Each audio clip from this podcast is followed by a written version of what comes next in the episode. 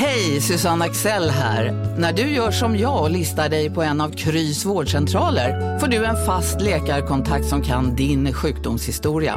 Du får träffa erfarna specialister, tillgång till lättakuten och så kan du chatta med vårdpersonalen. Så gör ditt viktigaste val idag, listar dig hos Kry.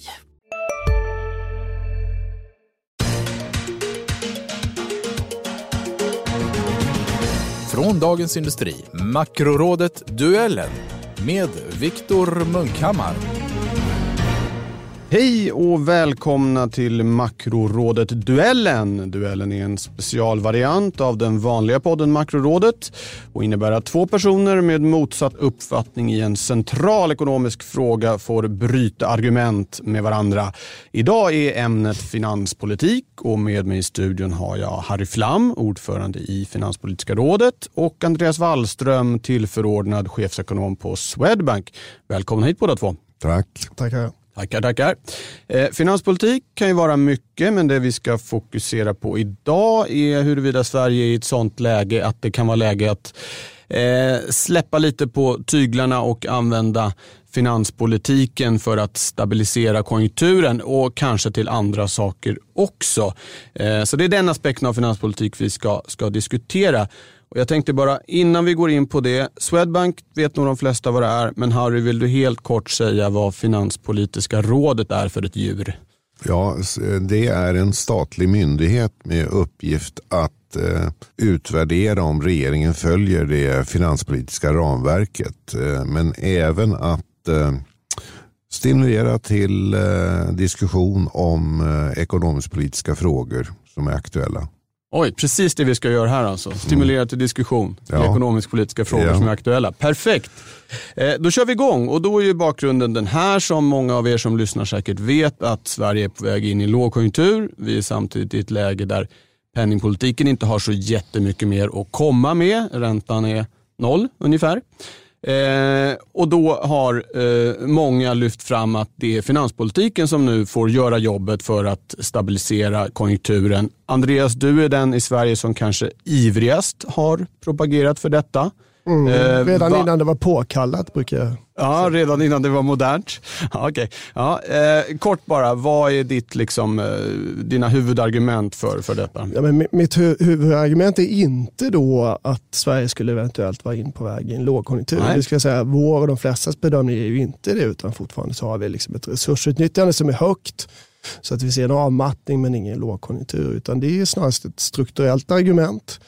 Eh, Att vi har samlat i de offentliga ladorna nu i många decennier eh, och att vi har så pass starkt läge så att det vore bra att investera då för Sverige på lite längre sikt, på tioårshorisonten tycker jag man ska. Ja, Okej, så egentligen har det inte med konjunktursvängningar att göra utan eh, demografi och annat? Ja. ja Okej. Harry, du tycker inte att man bör använda finanspolitiken i det här läget? Eh, nej, eh, det tycker jag inte. Eh, precis som du sa så eh, befinner vi oss för närvarande fortfarande i det som definieras som högkonjunktur därför att eh, vi har ett högre resursutnyttjande än vad som är hållbart på sikt och eh, nästa år så får vi ett balanserat konjunkturutnyttjande och eh, vi har ju en avmattning nu. Vi ser inga tecken på att det skulle bli en djup lågkonjunktur. Och eh, min uppfattning är att eh, i normala fall så är det Riksbanken som sköter konjunkturstabiliseringen genom ränteförändringar. Och sen så hjälper de automatiska stabilisatorerna till och det är alltså eh, olika bidragssystem, framförallt arbetslöshetsförsäkringen. Olika bidrag ökar ju under lågkonjunktur, folk blir arbetslösa och av andra skäl så ökar bidragen och sen så minskar de i högkonjunktur. Det där har en stabiliserande effekt. Och det tillsammans med Riksbankens ränteförändringar. Där brukar det vara så att man höjer räntan när det är högkonjunktur och stramar åt så att säga. Och när det är lågkonjunktur så har man en lägre ränta. Nu är det ju så att räntan är ju praktiskt taget i botten så att säga. Så penningpolitiken är ju, eh, ja där är gasen i botten. Man kan inte göra så mycket mera. Och då kan man, tycker jag, diskutera om man ska ha eh, finanspolitik, alltså diskretionär finanspolitik där man bestämmer om olika utgifter för att stabilisera ekonomin. Jag tycker inte vi är där än. Eh, som jag sa, vi ser inga tecken på någon djupare lågkonjunktur, åtminstone de närmaste två åren skulle jag vilja påstå. Eh, sen då för att vända mig mot det jag sa här. Eh, jag tyckte att jag hörde strukturpolitik där och inte konjunkturpolitik. Mm. Så att jag skulle gärna vilja ha en kommentar på det. Mm. Ja. Nej, men det, det, är absolut det perspektivet. Jag, jag, jag, är skeptisk till att använda finanspolitiken som stabiliseringsverktyg. Vår erfarenhet om vi går tillbaka till 70-80-talet är ju begränsad och, och, ganska dålig av det egentligen. Alltså, det är svårt med tajmingen. Eh, det är svårt att uppskatta, vad, svårt att förutse. Det kan vara så att vi står inför en djup lågkonjunktur nästa år, men, men vi vet inte. Va? Så det, det blir ofta väldigt, väldigt svårt med tajmingen. Så därför tycker jag nästan alltid i finanspolitiken att man ska ha det här långsiktiga perspektivet. Eh, vad är bäst för landet om tio år? Eh, och då finns det nu, menar jag, då, väldigt stora behov eh, i, i alla möjliga eh, sektorer. Eh, jag tänker kanske framförallt på investeringar då i utbildning och integration. Eh, inte kanske som de flesta direkt tänker på infrastruktur, därför att även där skulle jag hävda att liksom resursutnyttjandet är väldigt högt och det pågår väldigt mycket. Eh, och dessutom så måste alla, stora, eller alla infrastrukturprojekt utvärderas på egna meriter. Så så Man måste göra en cost-benefit-analys på dem. Och, eh, till exempel så finns det ju ännu inte någon ekonom vad jag vet som är för höghastighetstågen som diskuteras mycket. Eh, men just då investeringar i välfärden också. Eh, kommunen har det då trots den här högkonjunkturen vi befinner oss i väldigt ansträngt läge. Eh, så att tillskjuta mer medel där nu av strukturella skäl tror jag är vettigt också. Är det återigen demografin du tänker på då? Att fler blir ja, äldre och det, det kostar absolut. för kommunerna? Det, det, är det viktigaste skälet. Och, Alltså, man ska komma ihåg att hela det här överskottsmålet som vi har haft nu då i drygt 20 års tid, eh, ända sedan starten nästan faktiskt, har det motiverats av den här kommande demografiska utmaningen. Eh, och nu står vi inför den. Eh, nästa år, 2020, så börjar 40-talisterna fylla 80 år. Det vet vi med säkerhet i matematik. Eh, och då kommer de, alltså när man är över 80 eh, så, så börjar det belasta de offentliga finanserna väldigt mycket. Och det är dessutom så just nu att vi har en stor andel unga i befolkningen då, som på längre sikt såklart också är gynnsamt för Sverige och offentliga finanser, men på kort sikt då också en kostnad. Då. Så trycket på kommunerna eh, på grund av demografi är väldigt högt nu. Ja. Du ska få svara på det här. Innan vill jag bara höra mer. Ni säger båda att nej, Sverige är inte i en lågkonjunktur. Eh, tittar man på kurvorna så pekar de ju åtminstone åt fel håll. Harry, vilket läge ska ekonomin behöva befinna sig i? Och givet då att Riksbanken som du säger redan har gasen i botten för att det ska vara motiverat att använda finanspolitik. Är det liksom en finanskrissituation som krävs eller är det något lite mildare? Eh, ja, i normala fall så är det nästan en finanskris. Eh, men nu har vi som sagt eh, en nollränta eller minus 0,25 och det är ungefär så lågt man kan gå. Då kanske det finns utrymme för finanspolitik lite tidigare. Men eh, om jag får svara på det som Andreas sa här. Alltså jag kan hålla med om att det finns stora investeringsbehov i eh, framförallt i kommunerna. Mm. Och de saker som du nämnde, alltså på grund av demografiska förändringar och integrationen också. Dessutom investerar kommunerna idag väldigt mycket i sin infrastruktur, alltså det är vatten och avlopp och sådana saker.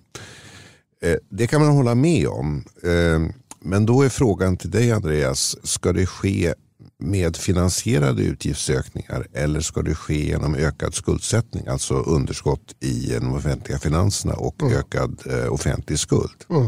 Eller ska det ske finansierat så att man höjer skatterna i samma takt? Mm. Ja, mitt, mitt svar på det är att det ska ju lånefinansieras då. Eh, och, mitt förslag som jag har skissat på är att ha ett eh, tillfälligt underskottsmål då, eh, istället för som vi nu har då ett överskottsmål på en tredjedels procent av BNP. Så att skulle vi ha säg en procents underskott under kommande tio år och ett högre skuldankare då än vad vi har idag. Idag har vi ett skuldankare, det vill säga att skulden ska på längre sikt ankra mot 35 procent av BNP. Det är offentlig skuld och så det är både kommunerna och staterna. Eh, och där tycker jag man kunde tillåta sig gå upp lite till säg 45-50 procent av BNP, vilket fortfarande skulle ha väldigt, väldigt lågt i ett historiskt perspektiv i Sverige och också väldigt lågt i ett internationellt perspektiv. Och då mot bakgrund av de här väldigt låga räntorna idag då, så, så tycker jag verkligen man kan motivera det. Då. Ja. Har du ett underskottsmål på 1% av BNP, ska jag säga, det är ungefär 50 miljarder eh, mm. i tio år. Mm. Hur låter det i dina öron? Eh, det låter inget vidare. Utan eh, det är väl så här att meningen med det finanspolitiska ramverket det är ju att man ska få hållbara offentliga finanser på lång sikt. Alltså man, har, man bestämmer sig för ett visst eh, överskotts eller underskottsmål. Eh, och så håller man fast vid det under väldigt lång tid. Vi pratar flera decennier. Och då är det meningen att de offentliga finanserna ska inte skena iväg så att det blir en eh, ohållbar skuldsättning till exempel. Och inte heller att vi ska bli skuldfria nödvändigtvis. Utan det ska fastna på en viss nivå. Eh, det spelar inte så stor roll om det är en procent i överskott som vi hade tidigare eller en tredjedel som vi har nu eller noll procent. Inte ens som vi har säg minus en procent faktiskt. För att det hela slutar då med att vi har en viss nettoskuldsättning. Staten har ju också tillgångar.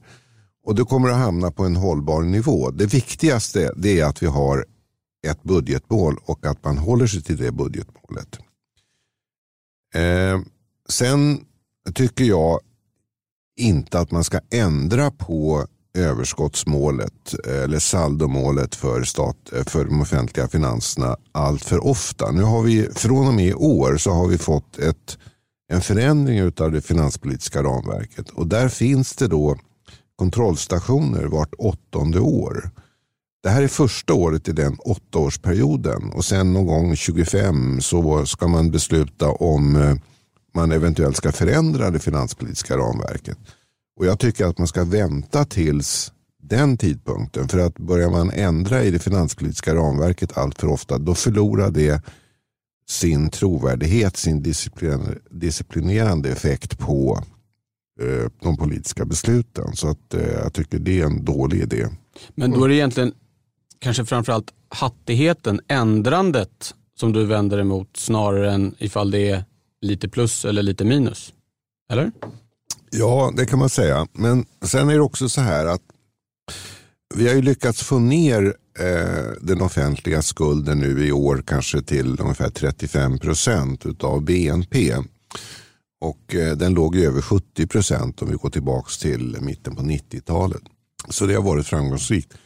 Det har ju inte skett genom Eh, besparingar så mycket utan det har ju skett genom tillväxt. Så att det är ju så att säga nämnaren som har växt och inte täljaren som, mm. har, som har krympt. Eh, nu är det så att jag tror att man vid varje tillfälle eh, kan konstatera att det finns stora investeringsbehov. Eh, eh, jag tror inte så mycket på att de är särskilt stora just nu utan Eh, går vi tillbaka 10 år, 20 år, 30 år och så vidare och går vi framåt så kommer det alltid vara så att åtminstone det finns många som tycker att ja, men vi måste ju satsa på det här. Ehm, så att det är det ena. Det andra är ju att eh, det här skuldankaret på 35 procent eh, som nu är också ett nytt inslag i det finanspolitiska ramverket. Eh, det är ju satt Eh, för att man ska ha tillräcklig marginal upp till 60 procent. Alltså inträffar det en kris i stil med finanskrisen då vet vi erfarenhetsmässigt att den offentliga skulden tenderar att öka väldigt kraftigt. Eh, och vi, vill ha en marginal till 60 procent som är EUs gräns egentligen för eh, Maastrichtström, den offentliga skulden. Så skulle man göra som Andreas föreslår, att gå upp till 50 procent eller 60 kanske, eller 50 procent. Ja, då har man nästan ingen marginal. Eh, det är ju sant att vi ligger lågt eh, i jämförelse i EU för närvarande. Men eh, det är ju, vi behöver bara gå tillbaka till före finanskrisen kan vi konstatera att, att eh, då var ju skuldnivåerna på en helt annan nivå. Mm. Kan, om jag bara får flika in där, ja. Tyskland till exempel ligger på idag ungefär 60 procent av BNP och får ju internationellt ganska mycket kritik för att vara för sparsam.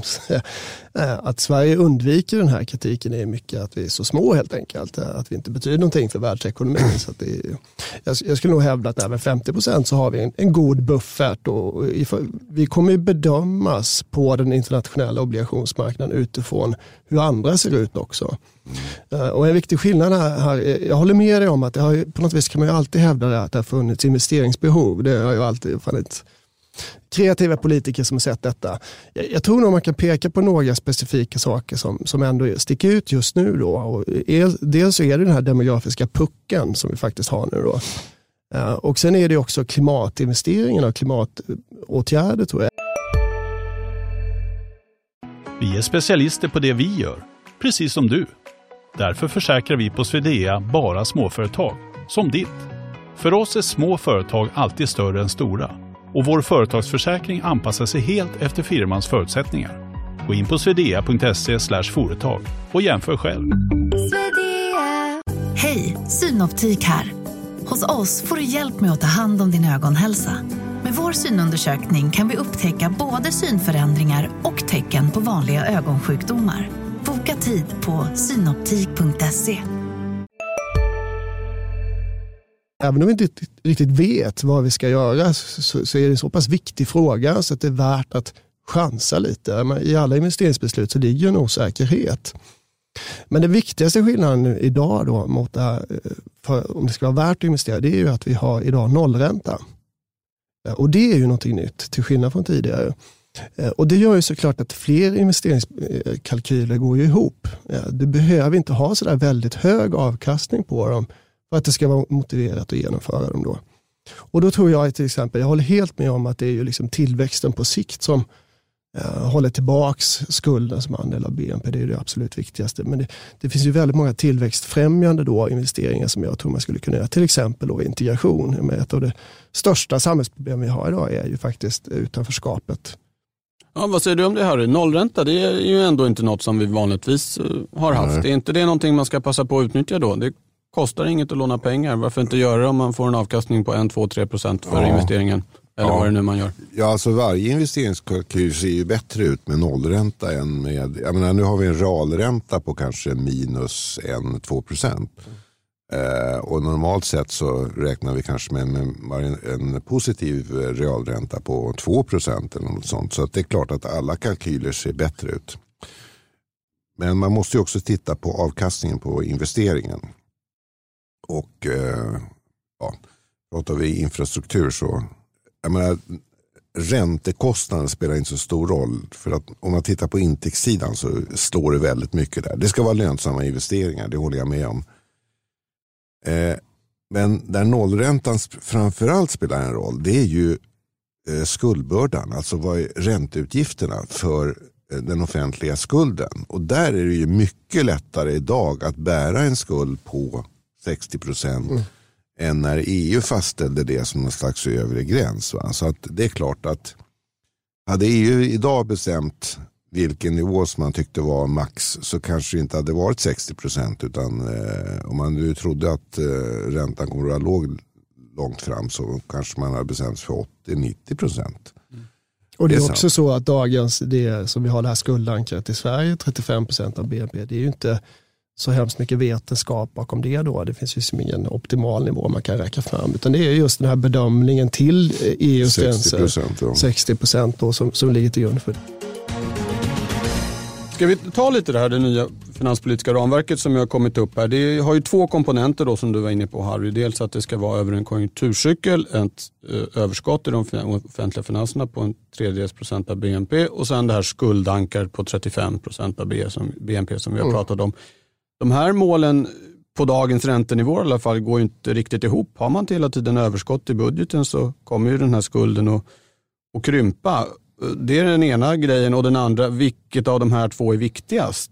Ankaret eller överskottet? Vill du börja Andreas? Mm, jag kan bara eh, Ja, så som det är bedömt då så är ju skuldankaret det viktigaste på sikt. Eh, men som operationellt mål så har man då eh, sparandet. Och det tycker jag är en rimlig ordning. Det är väldigt svårt att ha själva skulden som operationellt mål för att det kan också den kan justeras av diskretionära åtgärder ganska enkelt från politikerna och saker som inte har med finanspolitik att göra. Till exempel eh, om Riksbanken minskar sin valutareserv eh, så påverkar det skulden. Man skulle kunna tänka sig också att politiker skulle börja sälja av tillgångar i aktier för att skriva ner skulden och på så sätt få utrymme. Då. Så egentligen så är det ju så statens, eller det offentligas nettoförmögenhet som är i fokus. Eh, så, så därför är det väl poäng att ha det här som operationellt mål, då, eh, sparandet. Då. Harry, du, alltså det här att det kan vara svårt att uppfylla båda målen samtidigt, hur ser du på det? Eh, ja, eh, alltså skuldankaret är inget mål.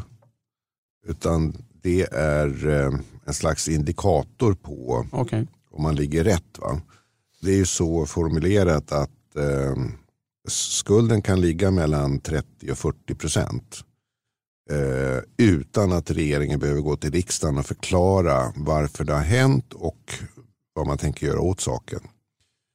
Och eh, vi har de här åttaåriga kontroll, alltså åttaårsperioder eh, mellan kontrollstationerna och nästa gång då om det nu skulle vara så att vi ligger på undre gränsen för skulden, för det är precis som du säger Andreas, att skulden kommer att minska med en hygglig tillväxt och överskottsmål. Eh, ja, då måste man ju fundera på, ska vi ändra överskottsmålet till ett underskottsmål eller ska vi ändra skuldnivån på skuldankaret? Det är, det är en fråga som man måste ställa sig då och bestämma sig för. Ja. Fast då kan vara ganska snart. Om man tittar på prognoser från många prognosmakare så är det inte så många år bort innan vi kommer under de här 30 procent. Ja, eh, Visst, eh, om man tittar i budgetpropositionen så, så kan det ske väldigt snart, inom två, tre år. Men, men eh, de prognoserna är ju eh, utan ny politik. Mm. Och vi vet att regeringen kommer naturligtvis att öka utgifterna i takt med att reformutrymmet som man säger ökar. Va? Det, det gör det ju. Så att jag tror inte på det. Det är, inga, det är mera räkneexempel, det är inga prognoser. Jag tror inte att vi kommer att gå under 30 procent fram till 2026. Eh, Vad tror du Andreas? Kommer vi gå under 30 procent? Uh, det finns en risk för det, men jag ser, jag ser väl också den poängen som Harry har. Att, att såklart så, så kan ju regeringen välja att fylla det med, med reformutrymme. Så sen har vi i och för sig då förvisso nu då ett svagt politiskt läge som faktiskt tycks göra det svårt att spendera. Därför att de måste komma överens, de här fyra ganska disparata eh, partierna.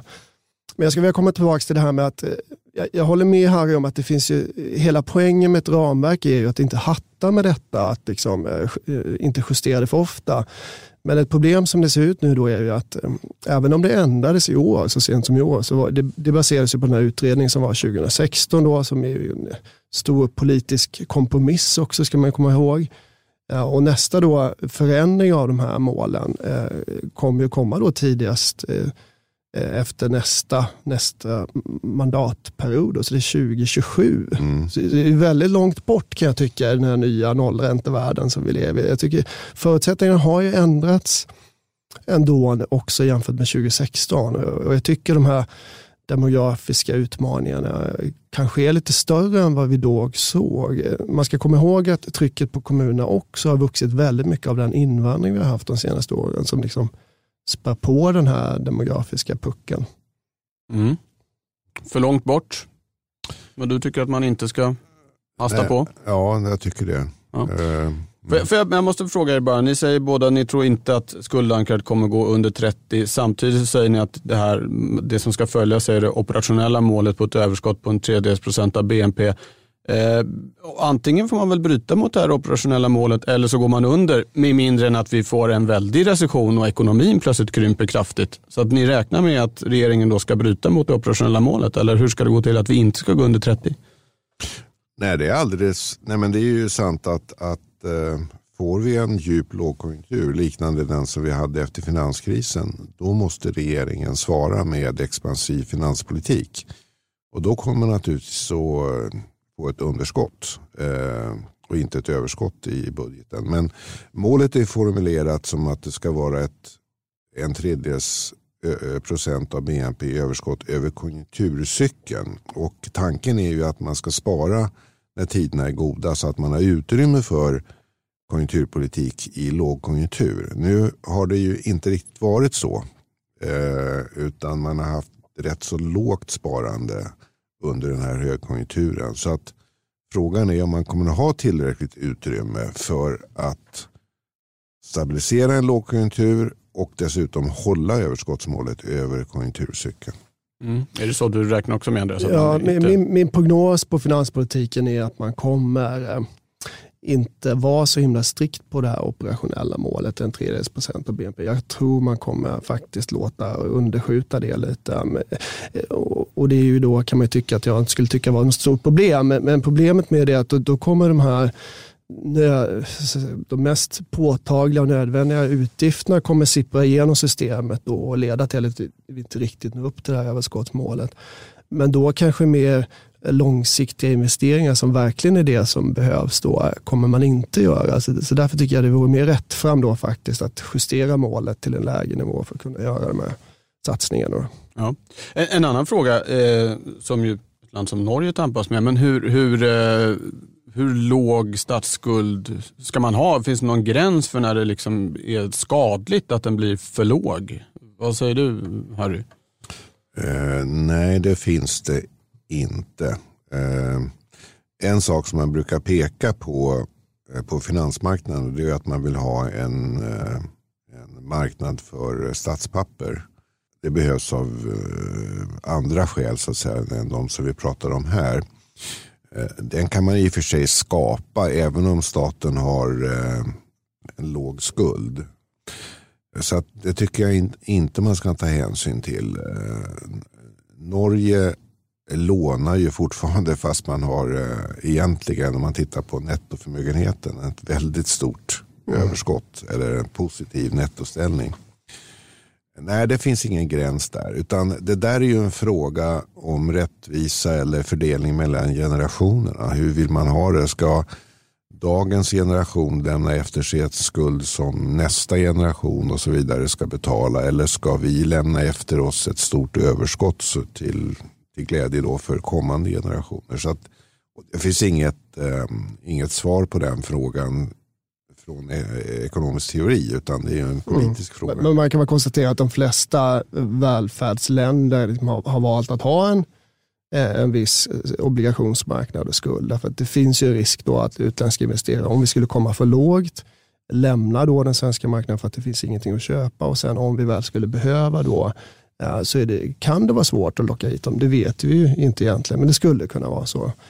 Det finns vad jag vet bara ett det land i EU som har lägst statsskuld det är ju Estland som har 8% av BNP och de har ju faktiskt ingen obligationsmarknad och de tycker det är bra. Men de sticker ut i det här avseendet. Ja. Okej, okay. ett radikalt eh, förslag fördes ju fram av eh, John Hassler som är liksom du Harry, professor vid Stockholms universitet eh, och lite med Norge som förlaga då. Han tyckte att vi skulle använda de här starka statsfinanserna och låna upp och skapa en slags motsvarighet till oljefonden, investera i någon slags global eh, indexportfölj med aktier. Eh, vad tycker du har om den idén? Ja, ekonomiskt sett så, så är det ju logiskt och eh, eh, alltså det kostar oss ingenting att låna. Tvärtom, realt sett så får man ju betalt för att låna. Och sen investerar man i aktier så får man en realavkastning idag på kanske 6 procent. Om man tittar på de senaste 10-15 åren. Eh, så det är, ju, eh, det är ju i och för sig en bra idé. Det, är det. Eh, det finns också stora risker med en sån politik. För att eh, det kan gå illa på aktiemarknaden. Mm. Och eh, vi pratar om väldigt stora belopp här. Så att, eh, ja, det finns både för och nackdelar. Med att göra om staten till en stor hedgefond ja, ja, med 100 procents belåning. Ja, ja, jag, Andreas? Tycker, jag tycker verkligen det är, även om jag då är för att släppa på finanspolitiken så tycker jag just det faktiskt är ett häpnadsväckande eh, dåligt förslag. Också ur ekonomisk hänseende om man tar liksom riskjusterad förväntad avkastning på börsen framöver så, så, så visst kan man räkna ihop en, en vinst då givet att staten lånar på noll. Men eh, jag tror en säkrare eh, och mer rättfram investering skulle till exempel vara då i utbildning eller integration. Eh, jag tror den kalkylen är mycket lättare. Dessutom får få stöd för detta i praktiken eh, bland politiker och hos folket. Skulle du Viktor vilja att dina skattepengar gick till att eh, staten köpte aktier för det? Tveksamt va? Eh, hellre till välfärd eller investeringar. Jag, jag, jag tror det var Man, kan, lite man skulle ju kunna hävda som motargument att staten har redan tagit och köpt aktier för mina, mina skattepengar Ja. i och med att staten har ett Ja. betydande aktieinnehav Så del så skulle jag säga då, sänk skatterna då så att vi själva får ta de besluten om vi ska köpa aktier eller inte. Då. Ja. Mm. Hörni, tack ska ni ha för det här samtalet om eh, finanspolitiken. Vi får se vad som händer. Debatten lever i allra högsta grad i alla fall, både i Sverige och i, i Europa. Harry Flam, och Andreas Wallström, tack för att ni kom hit. Tack ska ni ha som har lyssnat på Makrorådet-duellen och den vanliga podden Makrorådet eh, kommer tillbaka med ett sista avsnitt för den här säsongen eh, onsdagen veckan innan jul. Ha det riktigt bra till dess. Hej hej! Du har hört Makrorådet, duellen med Viktor Munkhammar från Dagens Industri. Podden klipps av Umami Produktion. Ansvarig utgivare Peter Fällman.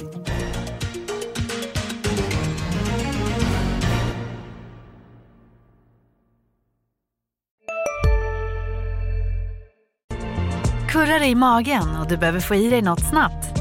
Då har vi en Donken deal för dig. En chicken burger med McFeast-sås och krispig sallad för bara 15 spänn.